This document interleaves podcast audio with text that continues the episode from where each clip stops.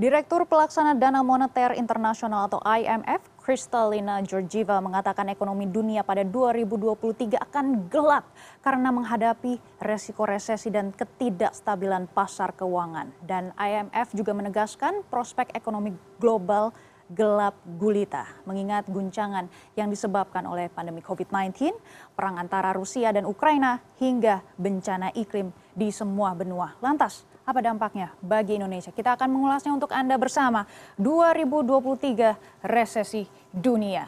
Dan mari kita lihat bersama, resesi ekonomi adalah momok bagi semua negara di dunia dan fenomena ini memengaruhi sektor pajak, investasi, bahkan kualitas hidup masyarakat. Dan perekonomian global belum sepenuhnya pulih dari dampak pandemi COVID-19. Seperti IMF, Bank Dunia, dan juga Presiden Joko Widodo juga mewanti-wanti adanya ancaman resesi. Dan Pak Jokowi juga uh, menegaskan kembali mengenai resesi global tahun ini sulit dan tahun depan sekali lagi saya sampaikan akan gelap dan kita tidak tahu badai besarnya seperti apa, sekuat apa dan tidak bisa dikalkulasi. Nah, kalau misalnya kita melihat dalam situasi resesi, biasanya perusahaan akan melakukan efisiensi dan salah satunya melalui pengurangan beban gaji karyawan. Alhasil ini pengangguran meningkat akibat PHK. Dan seperti fresh graduate juga akan sulit mencari pekerjaan karena perusahaan berusaha memangkas karyawan. Dan kita akan melihat apa sebenarnya penyebab resesi global? Kita lihat kenaikan laju inflasi dunia ini meningkat, bukan hanya uh, di Indonesia saja, kita bisa melihat kalau misalnya di negara maju seperti di Inggris, di Amerika Serikat, ini kenaikan laju inflasinya sangat-sangat tinggi, ini sudah mencapai rekor tertinggi. Dan untuk menekan laju inflasi, sebenarnya banyak sekali bank sentral di semua negara akan menaikkan suku bunga acuannya untuk menekan laju inflasinya. Dan kita tidak boleh lupa apa sebenarnya perlambatan ekonomi ini sebenarnya pemicunya adalah COVID-19. Jangan bosan ya dengan COVID-19 ini karena banyak sekali dampak yang kita rasakan saat ini.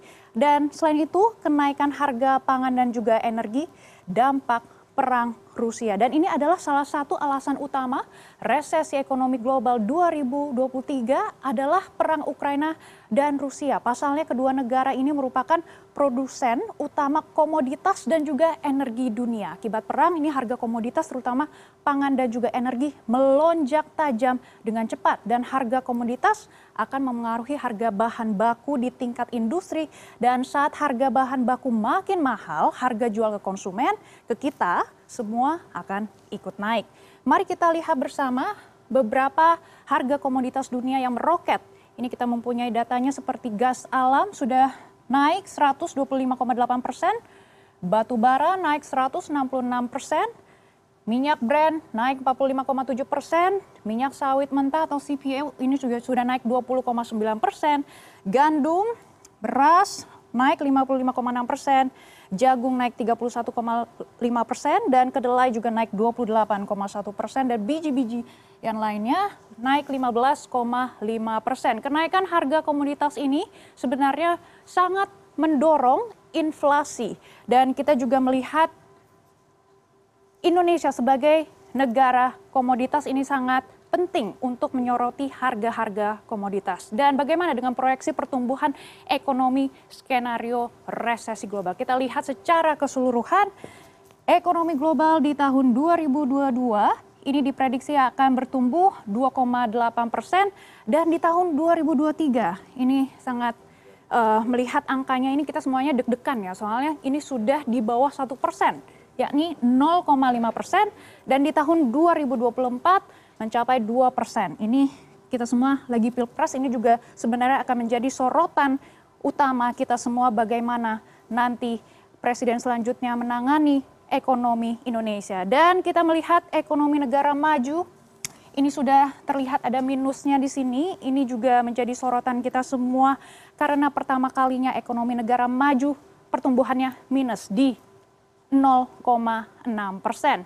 Dan selain itu kita juga melihat ada ekonomi negara berkembang di sini dan Indonesia juga masuk ke kategori negara berkembang di tahun 2022 ini naik 3,5 persen. Di tahun 2023 diprediksi akan naik 1,8 persen dan 2024 ini pertumbuhannya akan mencapai 3,4 persen.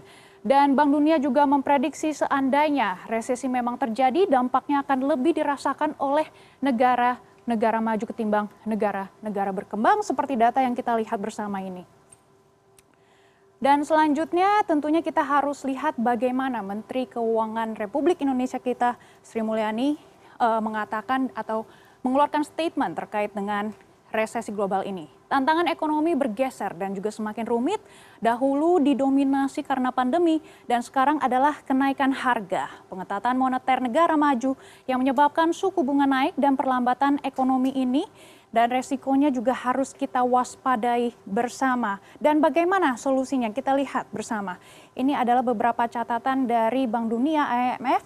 Mereka sebenarnya mengeluarkan beberapa saran untuk pemerintah Republik Indonesia untuk menjaga pemulihan ekonomi tetap tumbuh dan daya beli masyarakat terjaga dan juga APBN dijaga tetap sehat dan kuat untuk menghadapi tantangan resesi global.